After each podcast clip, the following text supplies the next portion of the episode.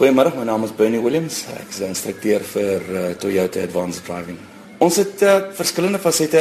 Mense hoor advanced driving en dink hulle dat dit gaan oor vinnig ry. En dis waar mense fout maak.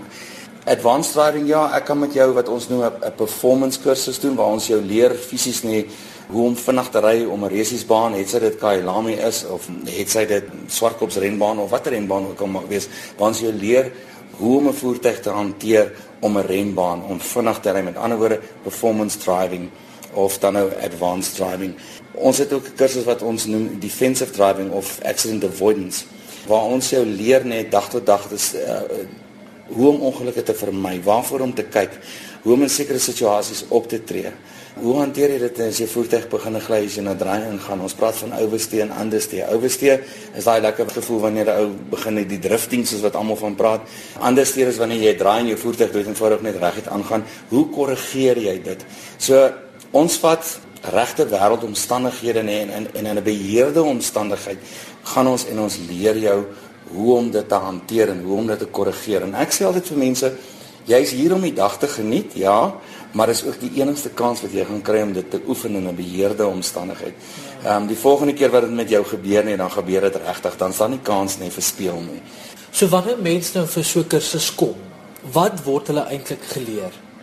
Ons het 'n 'n teorie klas van van omtrent so uur uur en 'n half waar ons 'n bietjie meer agtergrond gee. Ons deel met jou statistiek. 95% van ongelukke wat gebeur nie word voorafgegaan deur iemand wat die wet verbreek. Um, dis 'n skrikwekkende deel. Dis ook dieselfde persentasie nie van ongelukke wat plaasvind by verkeersligte of by enige interseksie. Dis omdat iemand die wet verbreek. So wat ons probeer doen is nee is is om jou daai statistiek en daai agtergrond te gee. Hoekom is dit belangrik om 'n veiligheidsgordel te dra?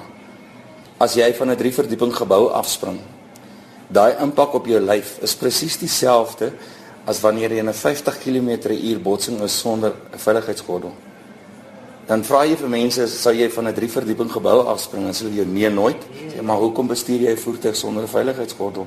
En juis in vandag se tyd nê wat voertuie toegerus word met lugsakke en dis meer nie is dit krities belangrik dat jy jou veiligheidsgordel dra te alle tye. En dis ook wat ons mense leer is hoe om reg te sit in jou voertuig En as jy reg sit in jou voertuig, gaan jou lugsakke vir jou effektief beskerming bied. As jy nie reg sit in jou ons praat altyd van die homeboys wat so agteroor lê, daai manier van bestuur. Al het jy 'n veiligheidsgordel aan, as jy 'n ongeluk is, nee, jy gly fisies onder deur die veiligheidsgordel, onder deur die lugsak en hulle hulle krap vir jou daar onder tussen die pedale uit. So dis belangrik om reg te sit in jou voertuig. Hoe kan die gewone mens op straat by een van hierdie kursusse uitkom en wanneer mense nou daar kom en nou wil leer, gebruik jy dan jou eie kar? Jy kan met jou eie voertuig te doen as jy wil. Ons het 'n vlootvoertuig. Ons as jy nie jou voertuig wil gebruik nie, jy ons vlootvoertuie kan gebruik.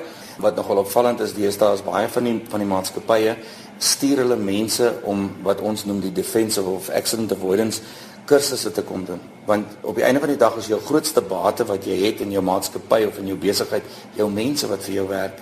So jy moet alles in jou vermoë doen om jou bates te beskerm.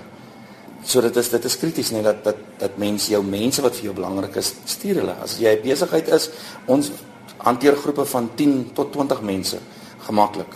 Weet jy op die einde van die dag nee bly on, ons praat van die dynamics nee bly presies dieselfde. Om te stop is om te stop of jy ja. in 'n Beetle ry en of jy in 'n Ferrari ry, stop is stop. Ja. Op die einde van die dag nee it's the science the mathematics of it it always die verskil kom daarin jy gaan dalk 'n meter of wat korter kan stop met die Lamborghini. The science is always going to stay exactly the same